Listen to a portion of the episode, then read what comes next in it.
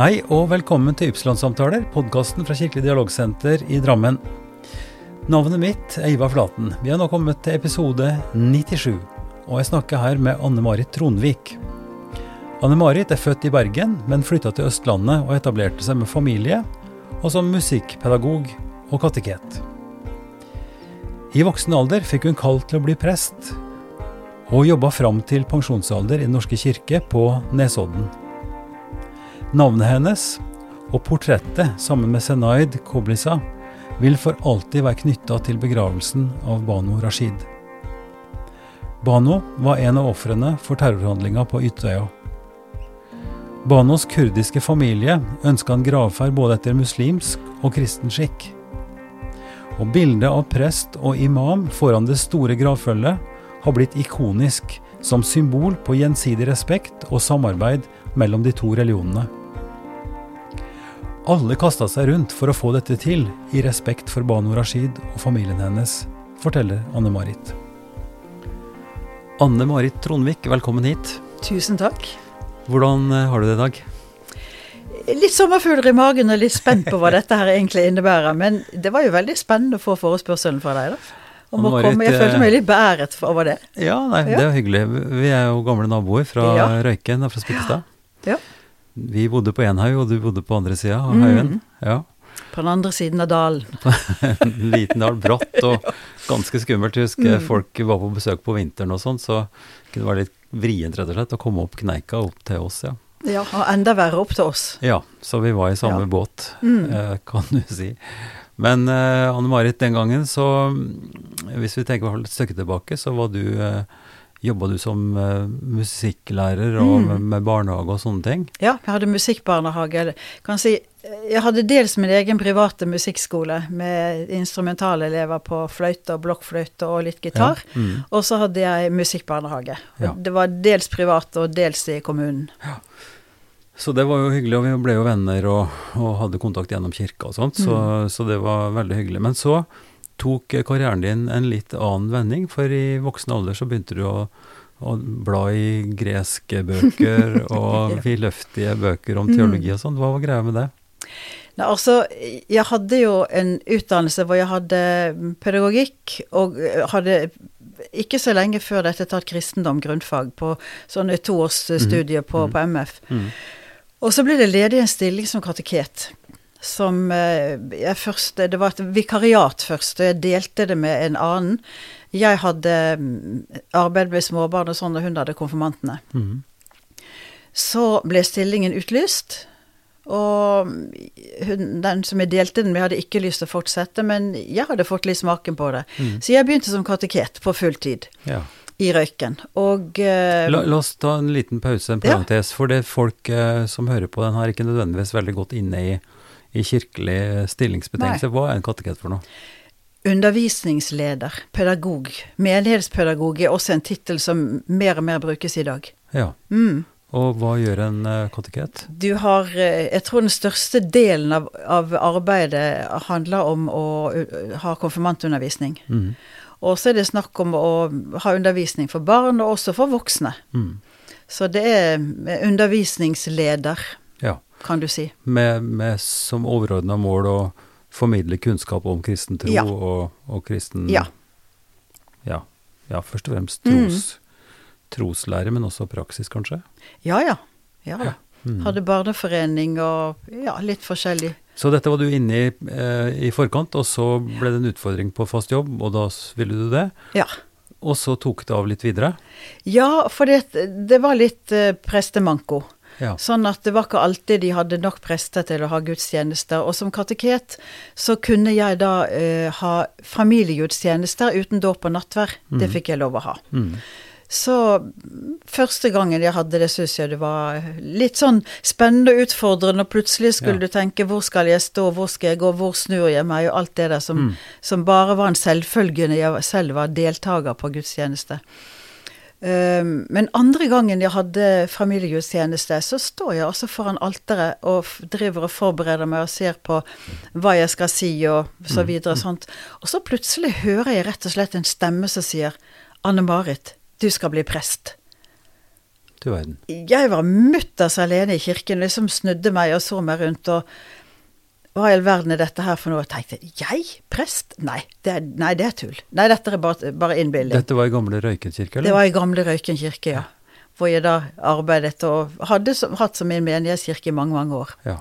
Som, var vel- vår, som var vår felleskirke. Vår felleskirke, da, ja, da nemlig. der. Ja. Der jeg ble også ordinert, som det heter, i 2006. Ja. Ja. Men, eh, men det her er jo en audisjon, som det heter på fint. Altså, du, du hørte noe som, som kanskje ikke så mange andre hørte. ja, en helt konkret stemme. Nei, det var bare jeg Altså, én ting var jeg var alene i Ja, hele ja. kirkerommet. Mm. Så Men det der er jo en ganske sterk eh, Hvordan det det opplevde det. du det? Hva? Hvordan opplevde du det? Hvordan, Nei, jeg, jeg ble liksom Jeg mista litt pusten og tenkte Hva i all verden er dette for noe? Nei, dette er jo ikke noe jeg har tenkt på. Og, men samtidig så hadde jeg jeg, jeg var en del med på Oase, mm. og hadde opplevd der en, en del eh, ting som vi kanskje vil tenke som overnaturlig, eller i hvert fall ikke sånn som Ny vi tenkte. parentes. Oase, hva er det for noe? Hva sa du? Oase. Ja, hva er oase?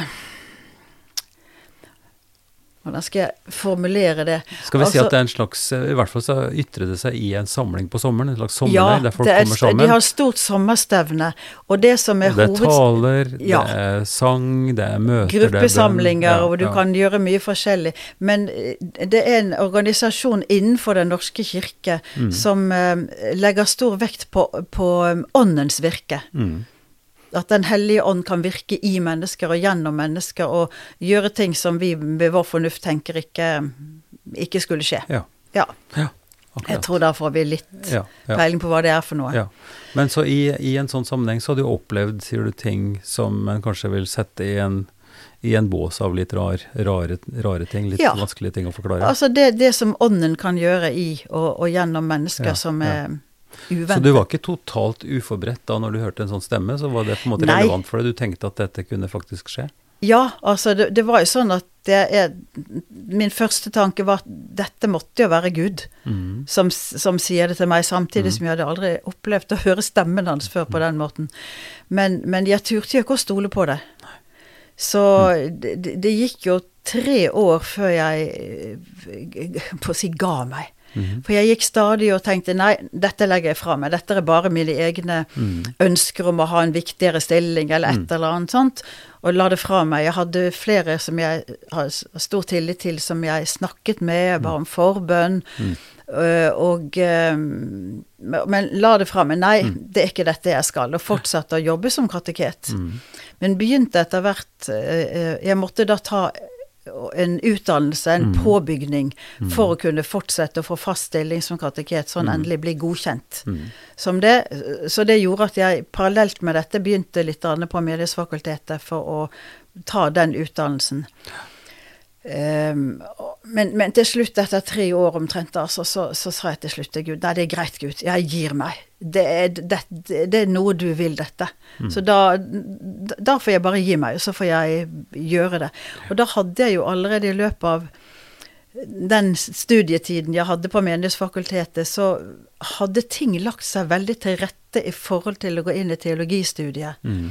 Jeg hoppet av kateketopplegget for å ta kristendom mellomfag, som ikke krevdes for å få den kateketgodkjenningen. Og akkurat det semesteret jeg begynte, så var kateket- og teologistudiet på mellomfag slått sammen. Mm. Så det var liksom mange ting som bare la seg til rette, som et- gjorde at det til slutt ga meg. og Et mellomfag er en slags, eh, det er en slags eh, det er en tidligere betegnelse, men det snakker vi da om et, eh, en masterutdanning? Eh, ja, egentlig. Mm. Slik at det har, da har du en, en master, eller altså tilsvarende da i teologi, Ja. eh, og det som da mangler er jo en type praksis, eller, eller praktikum som det heter, altså med, med menighetspraksis og arbeid, men det hadde jo du i stor grad allerede. Ja, jeg hadde jo kristendom grunnfag fra før, og så Mm. tok jeg da mellomfag, og så hadde jeg jo forberedende. Mm. Sånn at jeg hadde jo litt fra før, og korta, fikk korta litt ned på studietiden. Men da, da sa jeg opp som kateket, for jeg tenkte at jeg var såpass gammel at jeg tenkte jeg må bli ferdig med studiene før jeg ble pensjonist. Og ut, eh, uten å være uhøflig, hvor gammel var du da? Da jeg begynte i, var ferdig prest, så var jeg 54. Ja. Ja. Mm. Mm. Men Anne-Marit, eh, la oss ta et sveip tilbake. For, for det å først gå inn i kateketarbeid, og så bli prest med sånn type prestekall som du har beskrevet, Mm. det kommer jo ikke ut av fri luft. Fortell om barndommen din. Du er ikke fra Røyken, såpass hører et ja. vanlig øre. Du er bergenser. Ja. Ja. Det vil si, jeg, kom til, jeg er født i Oslo, men kom til Bergen da jeg var to og et halvt. ja. Så det er der jeg vokste opp. ja. Si litt Eh, om barndom og oppvekst. Ja, altså jeg, jeg hadde besteforeldre på morssiden, hvor bestefar var eldste i Frikirken. Ja. Så det var liksom der oppe jeg møtte, utenfor Ålesund, på, på Sula. Mhm. Det var der jeg liksom møtte kristentro i praksis som første gang. Mm. Men jeg husker bestefar leste i den gamle bibelen sin. Han hadde svære, kraftige arbeidsnever og satt og bladde disse løvtynne bladene Mm, i Bibelen. Og leste og ba lenge, og jeg syntes det var kjedelig. Mm. Men hver gang jeg reiste derfra, så la han hånden på hodet mitt, og så sa han 'Gud signe deg, båndet mitt'. Ja. Og det syns jeg var litt flaut, men Mm. i etterkant så har, jeg, har det betydd mer og mer for meg. Mm. Den, det ønsket, den velsignelsen fra bestefar. Mm. Hjemme så På en måte så tenkte jeg at vi var ikke en kristen familie, men vi ba bordbønn. Vi ba aftenbønn. Mm. Sjelden i kirken, kanskje julaften. Mm. Uh, Si litt om foreldrene dine. Hva slags jobb og sånn videre. ja, far jobbet med kontor, og ja, det gjorde de i grunnen begge to. Ja. Ja, Mm. Så mor var utarbeidende fra jeg begynte på skolen. Mm. Så, og jeg er enebarn. Ja. Så jeg var ganske mye alene hjemme. Men jeg hadde en god venninne i første etasje i den blokken vi bodde, Mhm. Som kom fra et kristent hjem. Mhm. Og hun tok meg med litt på sommerleirer Ja. noen ganger. ja. Og, og eh, da vi Hun var et år yngre enn meg, og da hun begynte på Ja, hun begynte på ungdomsskolen, jeg gikk på realskolen, for det var skifte akkurat der. Mhm. Så inviterte hun meg med på leir, i påskeleir med det kristne skolelaget, Mhm. som hun hadde begynt i. Mhm.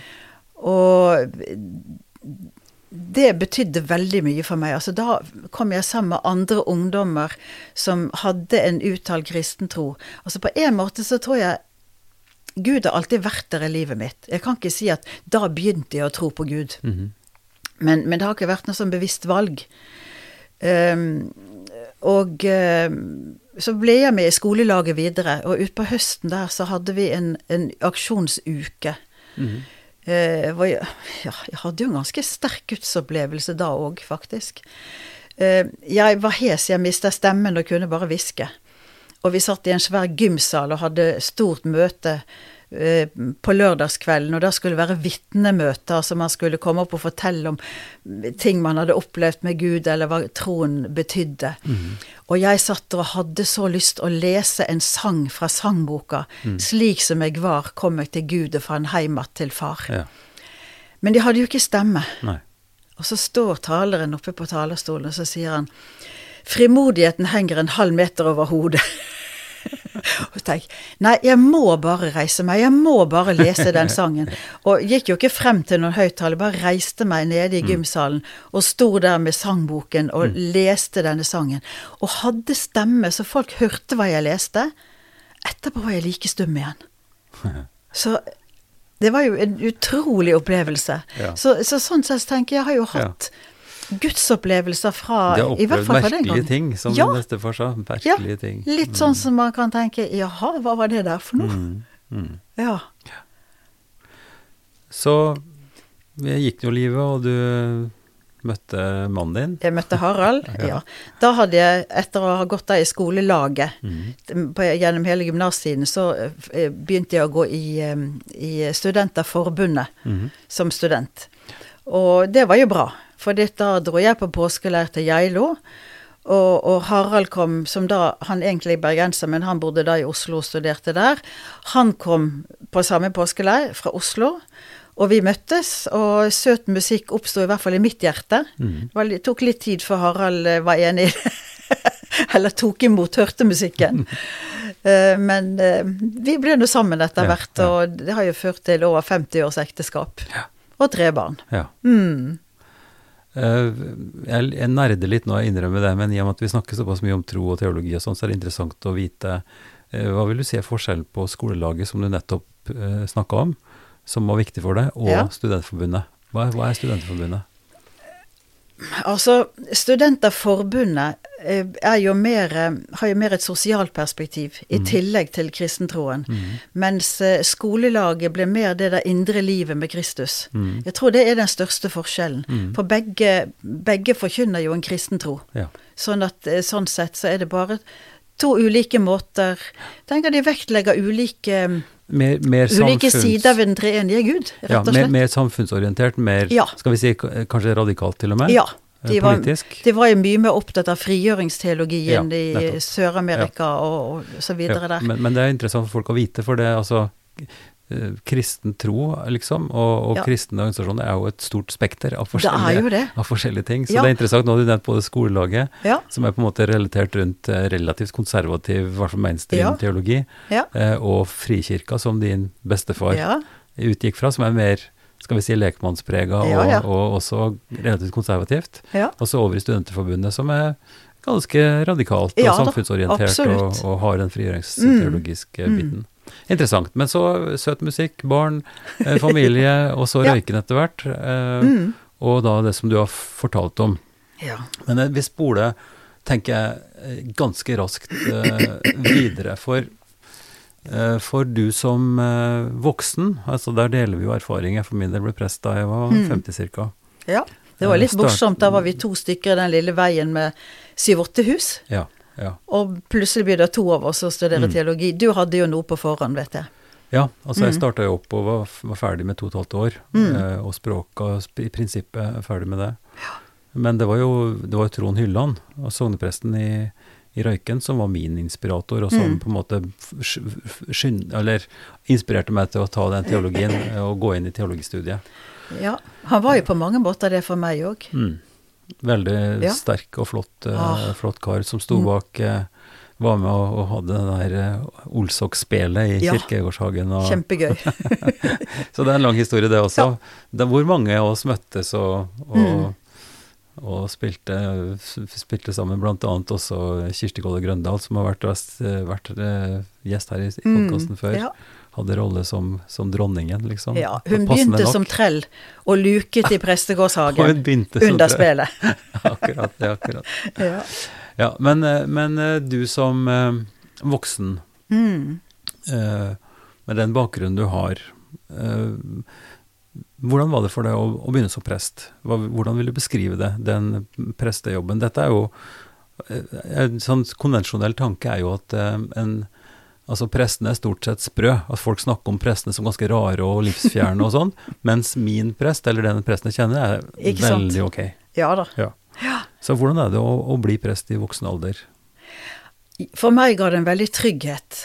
Dette her at jeg hadde en livserfaring, jeg hadde si, jeg var ganske sjenert som barn. Turte jeg ikke å ta ord i en forsamling. Snakket så lavt at læreren aldri hørte hva jeg svarte. Du måtte be meg snakke høyere.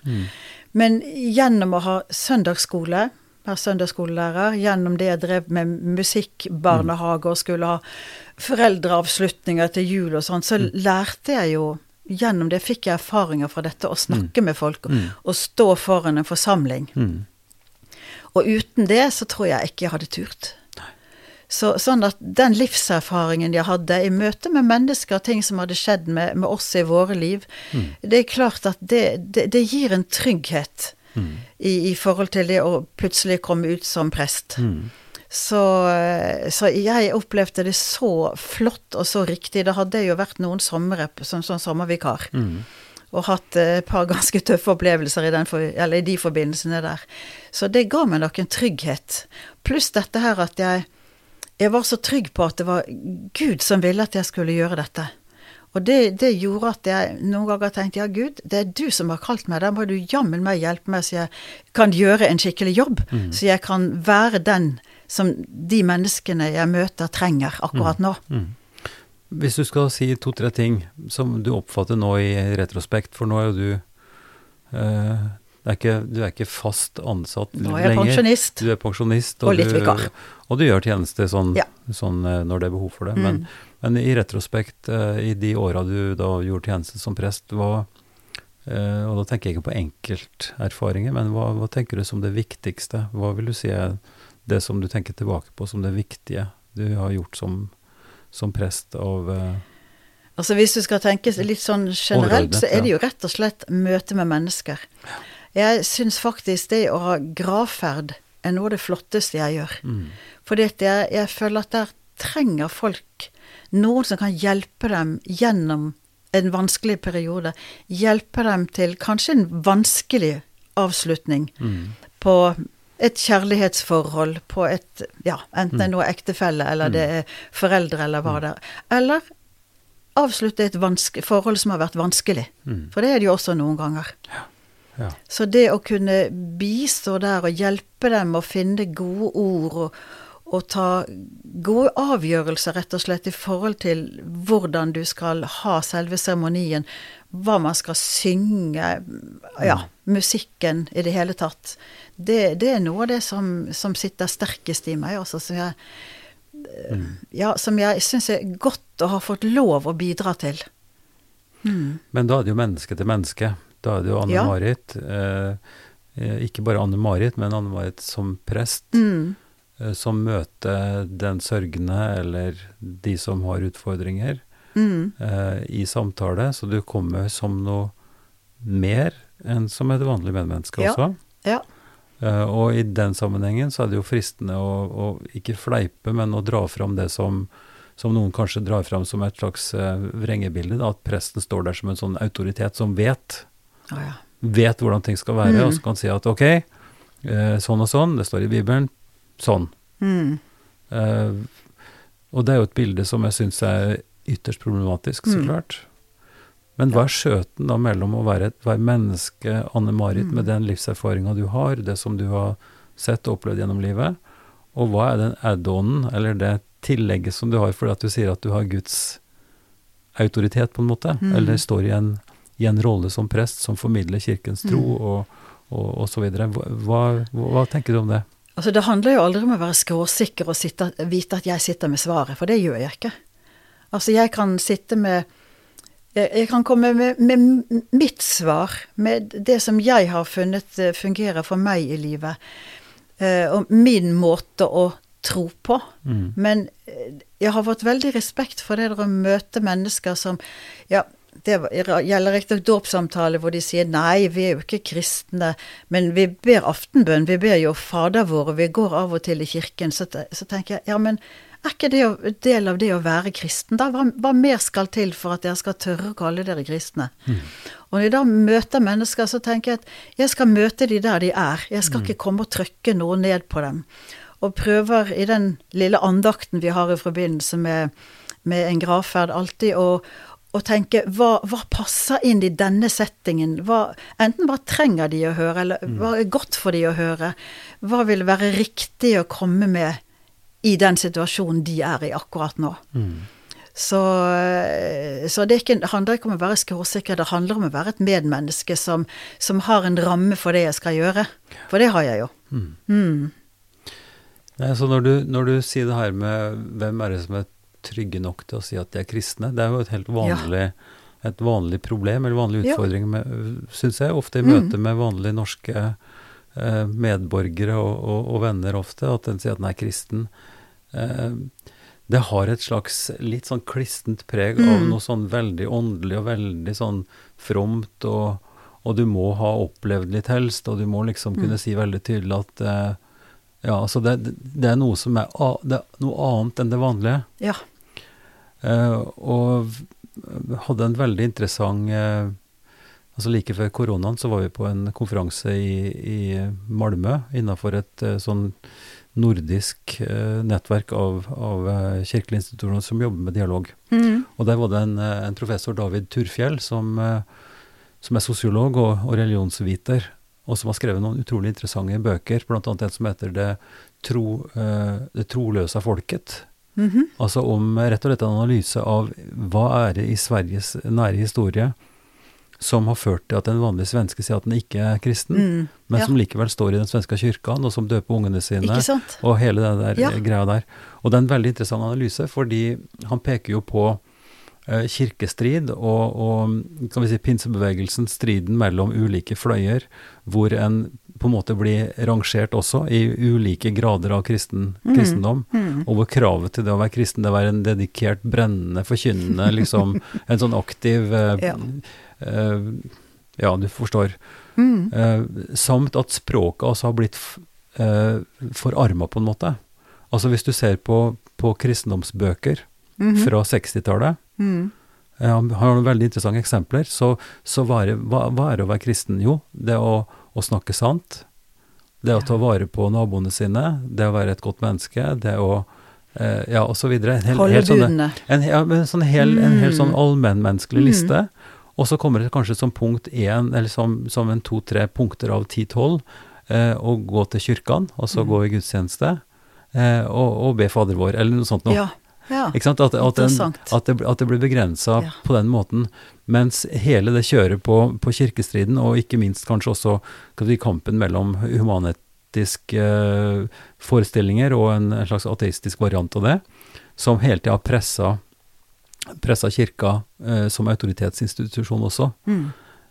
Men, men altså, jeg anbefaler den boka fordi Mm.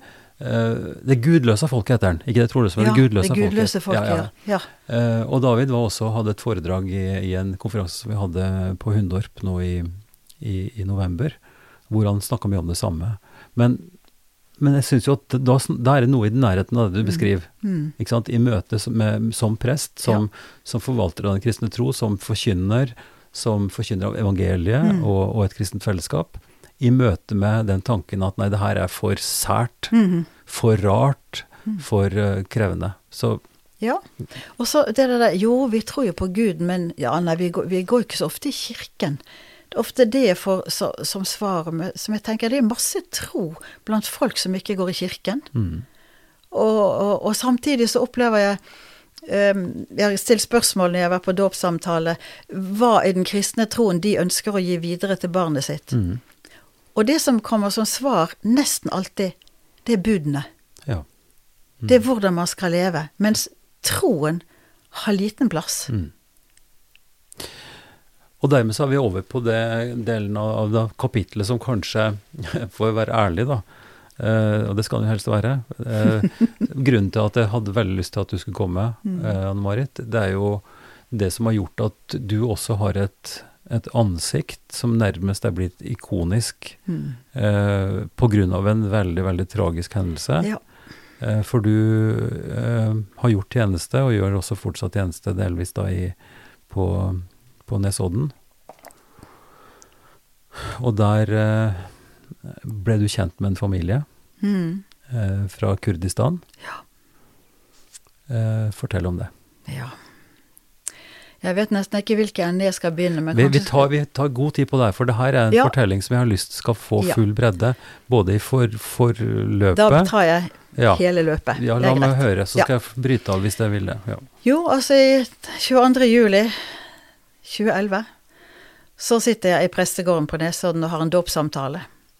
Og så hører vi et drønn. Det var mor til dåpsbarnet som satt der. Og så tenkte jeg det var vel noen som sprengte et eller annet, altså en forbindelse med noe graving eller noe sånt, og tenkte ikke mer over det. Da dåpssamtalen var ferdig og jeg kommer inn i stuen, så sitter mannen min og hører Jeg, tror, jeg husker ikke om han så på TV eller på radio, men i hvert fall så hadde han fått med seg eksplosjonen Mm. Inne det regjeringskvartalet. Det var direktesending på, på fjernsyn. Ja, jeg tror det og var der jeg, han så. hvis jeg kjenner Harald rett, så så han sikkert sånn som jeg satt og så den fredagen på Tour de France.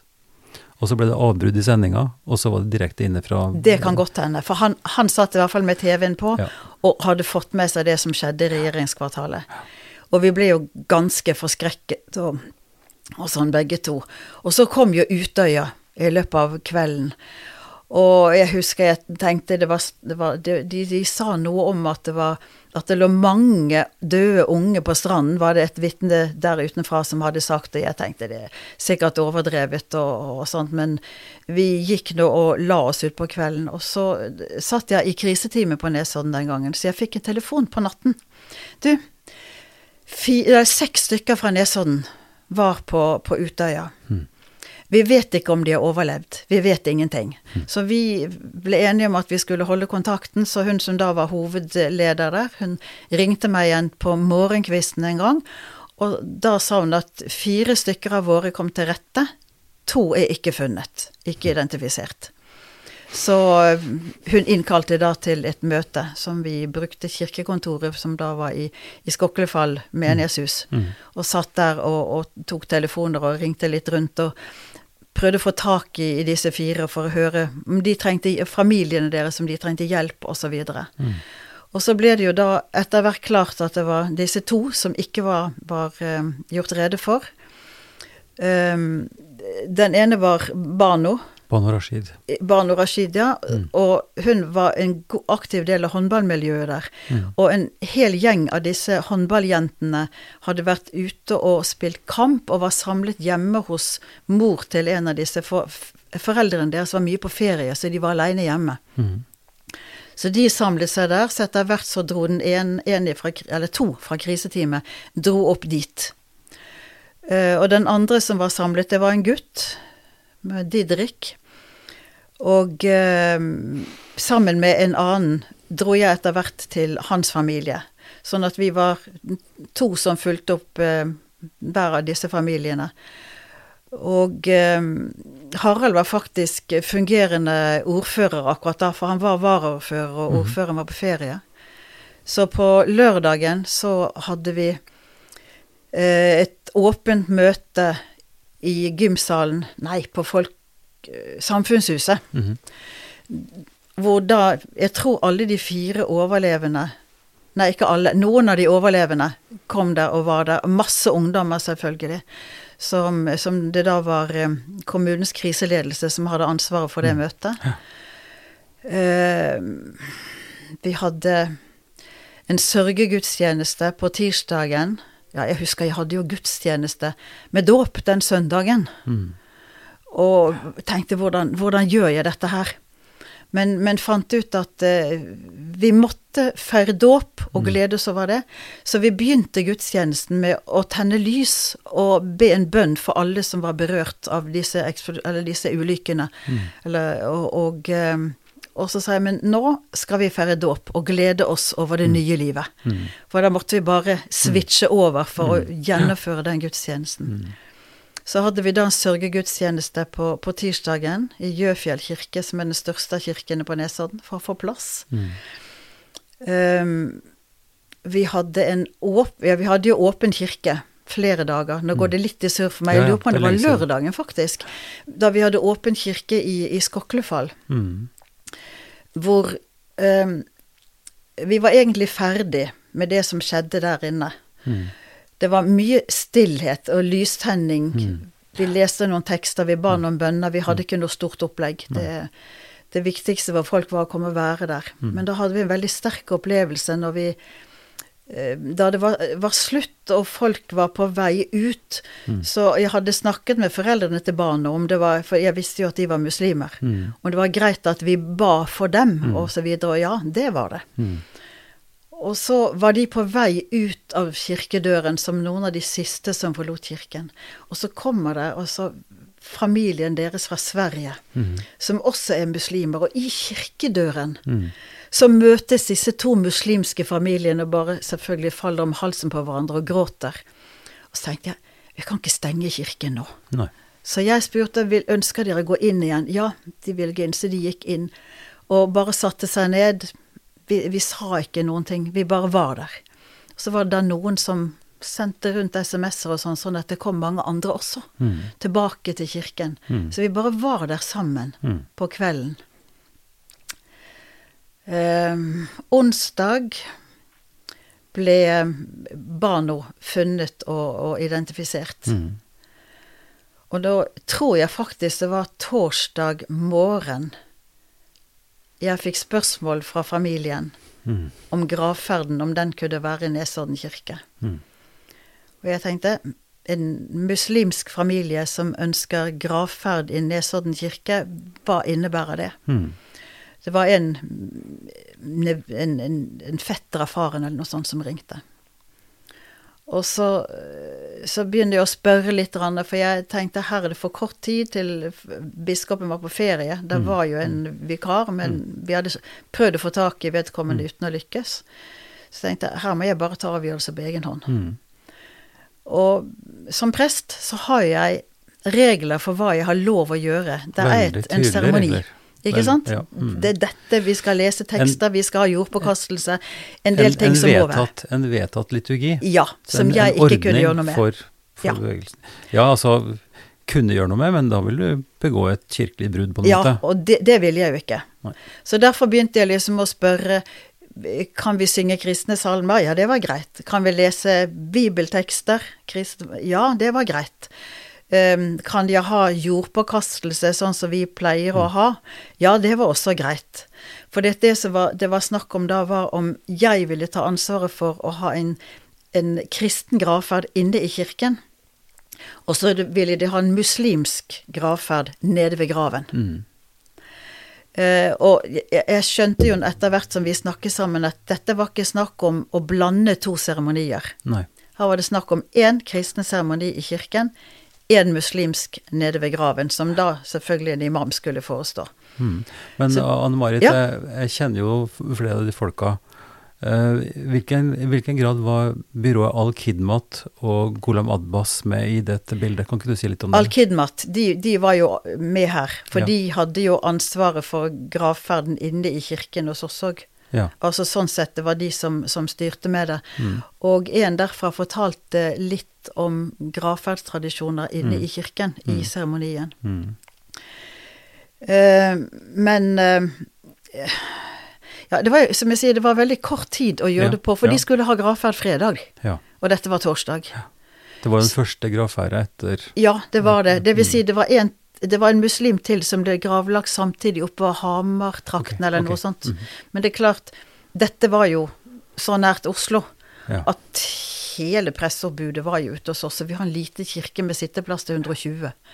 Men si litt mer om Ja. forberedelsen. Altså for Ja. det, i samarbeid med Al-Kidmat og, og i med din presteramme, Mm, på en måte, for seremonien, mm, så ble dere enige om at, at det skulle gjennomføres en bisettelse ja.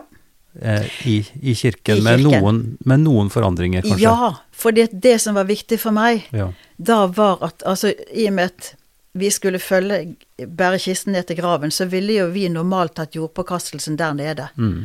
Men jeg måtte jo avslutte den kristne delen Ja. i kirken, Mm. så derfor hadde vi jordpåkastelse i kirken. Så jeg fullførte hele vårt rituale Mm. i kirken. Mm. Eh, og eh, jeg så underveis i seremonien, så, så kom den som jeg regnet med var imam, Mm. med den store hvite hatten. Senaid. Ja, det var Senaid. Jeg Senaid kjente ikke navnet, jeg Mm. hadde aldri møtt han. Vi hadde ikke snakket sammen på forhånd. Mm. Og jeg får jo også legge til at på søndagen, altså det, den 24., så skjønte jeg at her kunne det bli snakk om behov for en muslimsk grav på Nesodden. Mm. Så jeg ringte til kirkevergen og la frem dette. Kan du sjekke hvor er det mulighet for å få gravlagt? Og da er det Ski, tror jeg, som er det nærmeste. Mm. Men jeg sa at foreldrene har behov for å ha graven på Nesodden. Mm.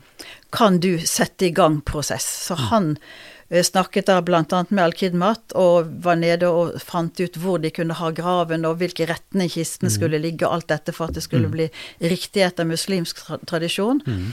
Og på kvelden torsdagen så var de nede og plantet en hekk rundt den delen av graven av eh, kirkegården som ble, da ble avsatt til muslimsk gravlund.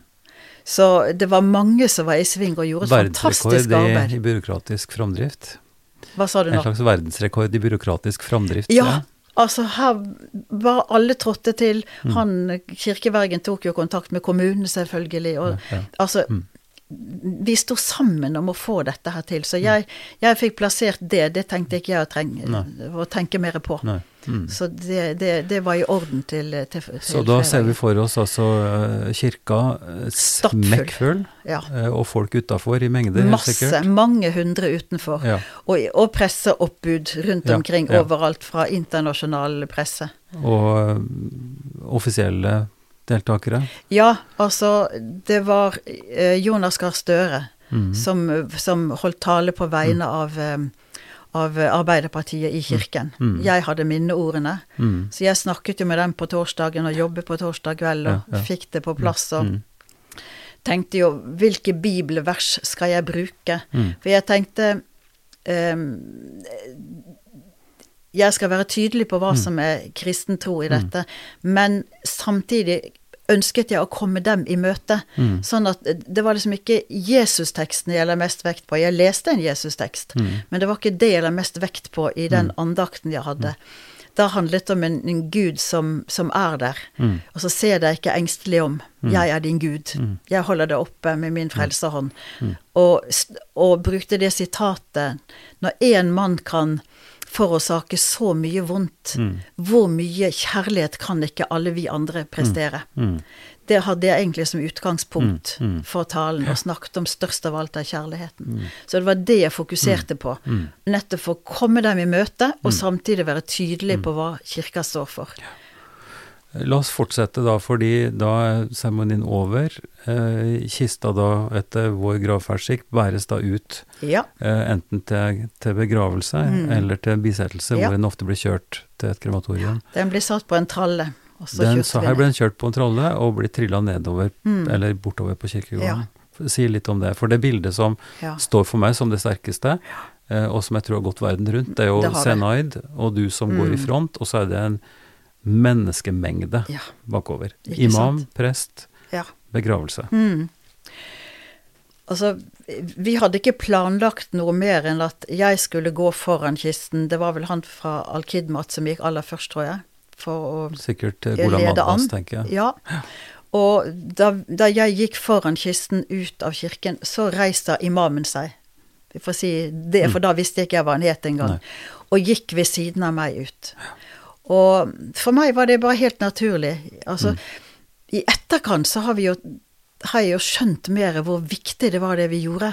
For det vi gjorde var jo å si at vi vil ikke ha det samfunnet som Berim Breivik ville ha. Vi vil ha et mangfoldig samfunn med respekt for hverandre. Og med anerkjennelse av hverandres tro og kultur og, Og det hele tatt. Og tradisjoner. Ja. Og ritualer. Ja. Så, øh, men akkurat der og da så var det bare naturlig. Ja, der kom han, ja. Og så gikk vi sammen ut, og det ble blitsregn.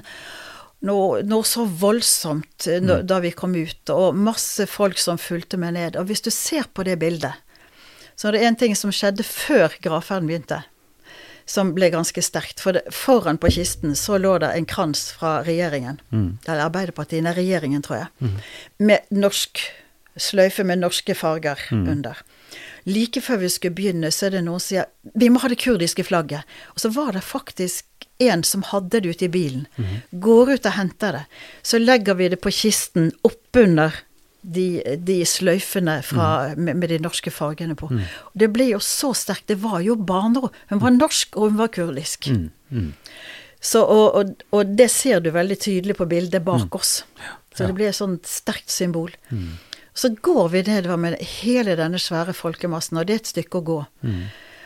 Og kommer ned, og da trer jeg naturlig nok et skritt til side og lar imamen overta. Han ber sine bønner Jeg tror de satte kisten ned på jorda, men det husker jeg ikke helt. Eller om den sto fortsatt oppå trallen. Og han ber en del bønner, og så bærer de kisten bort og senker den. Og vi hadde jo da skjønt fra Al-Kidmat at eh, det er vanlig at familien deltar på å kaste jord på kisten. Så vi hadde kjøpt inn, og det skulle være grønne spader. Ti grønne spader hadde kommunen kjøpt inn og sørget for var der. Og de begynte å kaste jord på kisten. Og da sto jeg sammen med Gahr Støre, og så, så kommer en kontaktmann fra familien til Bano bort til oss og inviterer oss med til å være med og kaste jord på kisten. Og det syns jeg også det, det var så sterkt at de virket, virkelig ønsket oss inn i dette her. Det var ikke 'nå er dere ferdige, nå er det oss'.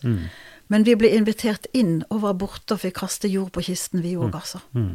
Det, det gjorde så dypt inntrykk. Jeg kjenner jeg blir helt sånn får gråten i halsen når jeg tenker på det i dag. Ja. Det var så sterkt. Ja. Så Og, gikk og da, gikk, eh, da gikk vel familien og folk eh, til sitt, til sine Ja, det var, det var stort minnesamvær etterpå, Ja. som vi også var, var med på. Mhm. Men, og da jeg kom opp igjen eh, Altså, da forlot jo jeg arenaen der nede, gikk opp igjen til, til kirken og ble grepet tak av en eller annen avis fra USA og skulle bli intervjuet. Og jeg svarte på litt, og så bare kjente jeg Nei, ja, nå er jeg helt utslitt, nå orker jeg ikke mer. Så jeg bare beklaget og sa at jeg, jeg var for sliten, jeg klarte ikke å svare mer. Og så gikk jeg inn i kirken og satt og gråt. For da kom liksom reaksjonen etter det jeg hadde stått i. Men jeg gikk jo opp og var med på det minnesamværet etterpå. Og jeg har jo hatt mye kontakt med, med familien til barna i etterkant også. De opprettet et, eh, et fond for å um, skape samkvem mellom um, ungdommer fra Erbil, fra Kurdistan, mm. Mm. og norske ungdommer. Det skulle være både kristne og muslimer fra, fra Kurdistan og fra Norge, mm. sånn at det ikke var muslimer derfra og kristne herfra, som da skulle møtes eh, flere ganger og bli kjent med hverandre, med hverandres kultur og religion. Mm. Mm. Nå kom jo IS og satte en stopper for det. Mm. Men før vi kom så langt, så var eh, Senaid og mannen min, som da var eh, ansvarlig for eh, sånn kontaktarbeid mot utlandet i, i kommunen, mm. og jeg, vi var sammen med barnas foreldre og besøkte barnas familie mm. nede i, i, i Erbil. Mm. Og hadde en del møter, blant annet med, med de som, som, styrte der. Mm. Uh, i, i uh, Ja, vi vil nå er det så lenge siden at jeg har glemt hva mm. slags titler de hadde. Men de hadde et departement som gjaldt religiøse saker. Mm. Og lederen der var muslim. Mm. Det er vel 98% muslimer eller noe sånt nede, også, der nede. Og så har du noen kristne, og så har du disse jesidiene. Uh, så, så, det var en muslimsk leder. Mm. Men han hadde en kristen og en jesidi som var hans medarbeidere. Mm. Så når det var religiøse saker som angikk dem, så var det de mm. som tok hånd om det. Ja. Og der opplevde vi jo, da vi var der, at her levde folk med ulike religioner mm. side om side mm. på en god måte. Og det var så sterkt å besøke familien. De var så vennlige mot oss, og ja, det var mm. fantastisk å komme ned og se dette, dette, landet. Så har jo IS kommet og ødelagt. Nå er det jo ikke sånn der nede lenger. Dessverre. Mm. Ja. Uh, det som jeg har lyst til å avslutte med, for tida vår har gått nesten, mm. men det jeg har lyst til å avslutte med, det er jo at du skal tenke litt på både den teologiske og praktisk-teologiske erfaringa du fikk. For det der var noe som skjedde fordi at foreldra ønska det. Mm. Det ble sånn bare. Mm. Det var ikke gjennomtenkt veldig. Eh, du sier Senaid kom liksom og slutta seg til dette ja. følget, og, mm. og, det var dynamisk. Det er jo sånn vi opplever ganske mye nå, i kulturmøter hvor folk har forskjellig religiøs tradisjon og mm. vil feire det sammen eller gjøre ting ja. sammen. Så sånn sett vil jeg si at det bildet, det som skjedde der, ble en, en sånn frampek og en inspirasjon til å tenke videre på hvordan kan vi også tilrettelegge religiøse seremonier mm. på en måte som ikke blir synkretistiske eller som, som ødeleggende, men altså blir en type dynamisk dialog og mm gjensidig respekt. Ja, hva, hva, hva, tenker du ja. Eh, seinere? Mm. Altså, hva hadde det gjort med ditt skal vi si, teologiske, praktisk-teologiske mm. syn etter den erfaringa du fikk? Ja, Marit? Altså, jeg hadde jo litt erfaring fra før med en muslimsk familie som var i kirkeasyl hos oss, mm. og hvor pappaen der sier Anne Marit, når du kommer i din kirke, må du be for oss. Mm. Det var liksom det første at ja, her kan vi møtes selv om mm. vi har ulike gudsbilder. Um, Altså, jeg, jeg, tenker jo at hvem er jeg som kan sitte her og si at sånn er det, pang, ferdig med det, sånn er Gud. Han er ikke en liten Gud som jeg kan putte inn i en eske og, og ha kontroll på. Gud er en Gud som elsker all sin skapning.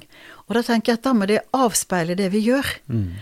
At vi nettopp møter hverandre med ikke bare respekt, men også aksept. Mm. Og, og, så det har gjort noe med meg i, i forhold til jeg er blitt Nei, nå har jeg vel aldri vært denne skrå... Jo da, jo da, jeg har vært denne skråsikre typen også. Men, men, erfaringer, og ikke minst det det har lært meg, at det, er ikke der vi er. Mm. Vi, vi, må møte hverandre med forståelse, med nysgjerrighet. Mm. Hvordan gjør dere dette? Hvordan kan vi få til å få en, en, en, en handling som begge kan føle seg vel med? Mm. Begge kan være bekvemme med å føle at de blir ivaretatt. Ja. Og det er jo det som er viktig. For Altså, jeg, jeg, tenker livet er for smått til å være paragrafrytter og sitte og være skråsikre på at det jeg tror, det er sant. Det er riktig. Min måte å tolke Bibelen på, den er riktig. Det er ikke sånn det er. Det er ikke sånn vi mennesker er, og det er ikke sånn Gud er, tenker jeg. Anne Marit, takk for en flott samtale. Takk i like måte, Ivar. Det var veldig hyggelig å komme og møte deg igjen. og Spennende å måtte tenke gjennom disse sakene igjen. Open this gate. Nordmenn tror på Gud, Tear down Allah, this wall. alt og ingenting. Da har vi kommet til dagens presentasjon av medlemmer i DHTL, og her har jeg Britt Klavier fra Bahai-samfunnet. Bahai høres eh, litt sofistikert og litt eh, fremmed ut. Hva er Bahai-samfunnet for noe? Bahai er faktisk en eh, verdensreligion, den yngste av alle verdensreligioner. Mm. Um, som er veldig samlende, eh, etter mitt syn. Ja. Eh, fordi at den gir en eh, historikk og en forklaring på alle de andre religionene også. ja. Og den er moderne. og har eh, at vitenskap og religion skal gå hånd i hånd, og mann og kvinne skal være likestilt, og sånne begrep som virker veldig aktuelle og riktige i dag, kanskje, men som ikke var så Som var revolusjonerende, faktisk, når de ble innført for 150 år siden. ja. Så religion er ikke mer enn 150 år gammel? Ja, litt mer enn Litt det. mer, ja, Mm. cirka. Og så har jeg et bilde av, eh, av disse vakre templene, Mm. eh, annet i, i Haifa. Mhm. Eh, og tanken er at man skal kunne gå inn i det tempelet fra forskjellige sider, så det er en slags illustrasjon på det som du sier med mangfold. Stemmer det? Mm. Det, vi, vi har et uh, tempel uh, på hver verdensdel, så egentlig det du snakker om i Haifa, er ikke et uh, tempel. Nei, Det er en grav til Bab der ser du. på Karmelfjellet. Der ser Mm. du. Jeg har ikke greie på det. Men det. der også kan du komme inn på alle sider. Men alle disse templene som er i verden, Mm. eh, de har alltid ni innganger for at de skal ta imot folk fra alle trosretninger. Ja. Det, er ikke noe, det er ikke spesielt for bahaier, det er ment for alle mennesker. Men dere har ikke noe tempel her i Drammen? Nei, vi har ikke noe tempel eller noe, noe fast eh, plass i Drammen enda. Nei? Så det, vi, vi, når vi samles, så samler vi privat, eller hvis vi har noe større arrangement, så må vi leie noe. Ja. ja. Og hvor stor er forsamlingen her i, i Drammen, kan du si noe om det? Eller i Norge for den del? Altså, hvordan I vi se Norge så er det vel kanskje 1200, og i Drammen jeg er ikke sikker på, men mellom 60-70 kanskje. Ja. Med smått og stort. Fordi, for de som er interessert i å høre litt mer om et, et menneske som lever i Bahai-troen, så har vi jo veldig tidlig i denne serien, en av de aller første, Ja. så snakka jeg med Roshan Maksudi, eh, som kom hit som eh, flyktning. Eh, så det er en interessant historie, Det- og der en også får høre litt mer om, om hva dette handler om. Tidlig i Drammens historie, og det var ikke så Ja. mange her da. Ja, ja. Men eh, Britt, hva gjør dere? Hva, hva gjør en bahai når en gjør religionen sin? Um, å praktisere bahai-troen, det er egentlig å integrere veldig mye det åndelige i det praktiske livet. Mm. Altså å gå den åndelige sti med praktiske føtter. Ehm, mm, vi har ikke så veldig mye sånne ritualer og sånt. Ehm, men vi har uh, et eget kalender. 19, altså Hver religion har jo en kalender, mm. så vi har 19 måneder av 19 dager. Pluss fire dager, fire-fem dager. Ehm, Det må du nesten Det, det høres Ja. veldig vanskelig ut. ja, 19 måneder? av 19 dager. Og hver av disse, disse månedene har navnet på en eh, av Guds egenskaper. Opphøythet, eh, litt forskjellig. Men, men hvordan, hvordan eh, fungerer det i forhold til vanlig kalender og sånn? Det har da med det religiøse livet å gjøre? Hva man tenker på, leser osv.? Mm. Det har det, vi feirer uh, 19-dagsfest, rett og slett. ja. Og den, eh, da samles vi i et hjem, eh, og, og den er tredelt. Uh, første delen er eh, åndelig, altså vi leser skrifter, og det kan også være skrifter fra andre hellige skrifter, faktisk, ikke bare Bahai. Mm. synger eh, litt sånn forskjellig. Og så har vi en um, administrativ del, hvor vi tar opp sakene som har med samfunnet å gjøre. Og så har vi en sosial del. Ja. Og dette skjer hver 19. dag? Hver 19. dag, og det, det skal være påfyll av Ja. energi. Ja. Um, og så ellers så har vi jo noen helligdager gjennom året, og akkurat nå har vi jo fasten, da. Mm. Den, eh, den varer 19 dager, den òg, og avsluttes uh, til Norruz nå Ja. kommende søndag. Noros, som er den store Nyttår. nyttårsdagen ja, i, vi si, iransk-persisk eh, tradisjon. Hele veldig mange, Midtøsten, hele ja. Midtøsten som markerer ja. den. Det er jo den Det er dagen vår hvor jevndøgn, rett og slett. Ja, ja akkurat. Ja. Mm. akkurat. Nettopp. Eh, Jeg tror ikke vi skal gå så veldig mye mer inn på det, men, men si litt mer om, eh, mer om den praktiske delen. Du sier at man skal være opplyst, det åndelige skal prege det, det daglige livet. Mm. Så en, altså, det er, dette er jo vanskelig å spesifisere, så klart, for vi snakker om fromme mennesker. Hva gjør fromme mennesker? Noen ser for seg at folk ligger på kne og ber hele dagen, eller du har munker, ikke sant? eller prest, eller hva det måtte være. Men, men eh, den integreringa av det åndelige og det praktiske, hvordan kan det ta seg ut hvis det skal være helt sånn pedagogisk, nesten sånn eh, på barnenivå? Hvordan vil du forklare det for oss? Ja, på, på barnenivå så vil jeg si at du, du For å ha gode tenner, så skal du pusse de hver dag. Ja. Ikke sant? Mm. Og, og mennesket i, i våre øyne er jo ikke bare en kropp, men det er en sjel. Mm. Eh, og det er en psyke også, og du må ta vare på alt dette her. Og den sjelen må få mat Mhm. og pleie, og det er i form av eh, å lese eller be, meditere hver eneste dag. Morgen og kveld. Også en som vi kaller obligatorisk bønn da, midt på dagen. Det er jo ingen som passer på om du gjør det eller ei, det er opp Nei. til deg sjøl. Alt Ja. er opp til deg sjøl. Ja, ja. Men, eh, men det er det som hjelper deg å ha en god utvikling i sjelen din. Mm. Så det er den maten, og så er det handlingene da etterpå. Mm. Og, og eh, arbeid er en bønn, for Mm, ja. Arbeid er å be. Ja, er Eh, sånn at uansett hva du gjør, så er det holdningen Mm. som du har i forhold til det du gjør. Ja. Mm. Eh, Hvis folk er nysgjerrige og interesserte i det dere holder på med, hvordan Mm. kan de er det lov å komme og være med på en sånn 19-dagsfest? Ja. Eh, Hva, hva vil det kreve av den som gjør det, liksom? Hva, Det vil ikke kreve noe. De Nei. er velkommen. ja, ja. Så du kan si i den forstand så er det en slags offentlig Ja. Ja, altså Det altså, det er ikke en offentlig du, du. Det er nok greit. Altså, det er ikke sånn åpent hus hvor det er greit å så vite når noen kommer, så vi tar ja. hensyn til Ja, de, ikke ja, sant. ja. F.eks. når det gjelder det administrative, så er det ikke alt som er Da vil vi kanskje omgjøre festen til en Ja. enhetsfest, Ja. og ikke ta opp alle de administrative Nei. punktene som er ganske uinteressante kanskje for Nei, for Hvis vi sammenligner med det som jeg kjenner best, altså Norske kirke, så har vi jo gudstjenester på, på søndag. Ja. eh, som har en liturgi, har en gjennomføring som kan virke fremmed for de som i- ikke kan det.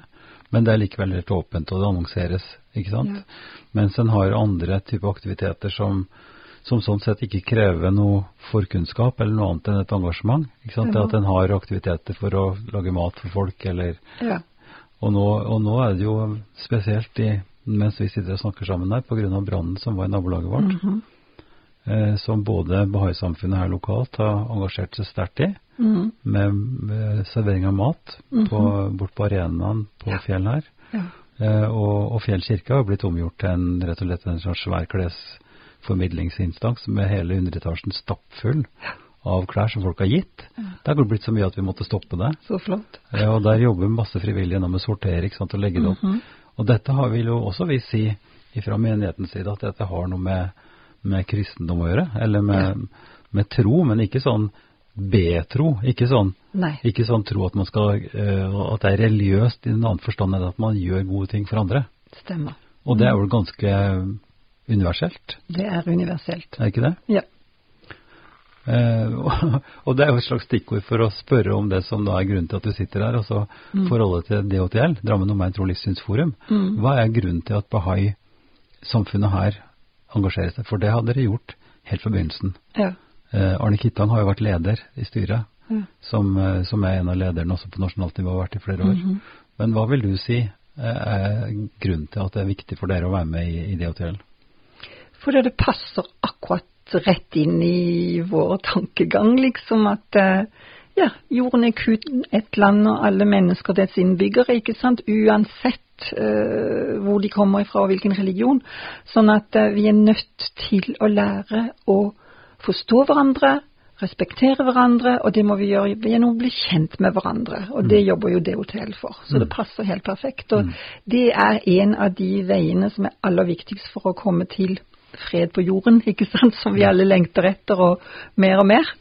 Um, Så, så det er en av de aktive uh, tingene man kan gjøre på den veien. Mm. Og derfor engasjerer vi oss i det. Ja. Og du sitter også nå i styret i DHTL? Ja, noen um, timer til. Ja.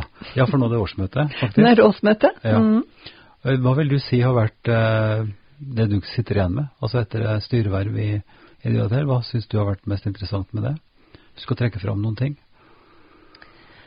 Um, Bortsett fra at folk vil si at kjedelig, styret er kjedelig. nei, nei, nei. Det var aldri kjedelig. Nei vel? Aldri kjedelig. Jeg skulle eh, tvert imot ønsket at jeg hadde kunne vært mer aktiv enn jeg har vært. Men jeg har vært midt i en flytteprosess Ja, og greier. ja, ja. Så, så, um, så nei, det, du kan bare se at det er mer og mer aktivitet. Mm. Det er mer og mer behov for de aktivitetene. Mm. Uh, og at de som er med i styret, ønsker dette her. Mm. Ehm, så nei, det bobler av liv. Eh, Jeg syns det er bra. Jeg Ja. liker det. Ja. De, de viktigste sakene nå, sånn som du ser det, det som skjer nå. Altså, vi, vi har hørt om eh, Uropodden, Uro, ja. altså ungdomsarbeid, Ja, eh, dialog, ungdomsdialog. ja. Eh, disse åpne kirkene, altså Ja, under festivalen. Ja. Eh, Festivalen. Det, ja. som, det som skjer i september, altså Drammen Ja. Secular Musikkfestival, åpne hellige rom. Um, altså samarbeid med kommunen også, Ja. ikke ja. sant? Ikke minst. Mm. Eh, det, det er litt tyngre arbeid, Ja. men uh, kjempeviktig. Nei, men uh, det som vi kan da si, ganske enkelt, hvis folk er nysgjerrige på dette mm. fellesopplegget vårt, Drammen og Tro forum, så er det jo ganske enkelt med dotl.no. Så kommer man rett inn i beskrivelser og, og sånn, og vi ser hvem som er medlemmer og sånt. Mhm. Så takk for praten. Vær så god. Veldig hyggelig. Takk for at du lytter på Ypsilon-samtalene. Vi nærmer oss nå 100 episoder, og du finner oversikten over alle episodene på www.ypsilonsamtaler.no. Vi kan drive podkasten pga. støtte fra Familie-, barne- og familiedepartementet, og fra Drammen kommune gjennom IMDi-midler, og fra Einar Juels legat. Vi er veldig glad for tilbakemeldinger, og du må gjerne sende oss en mail til Ivar krøllalfa kirkeligdialogsenter.no med dine forslag og kommentarer. Vi høres.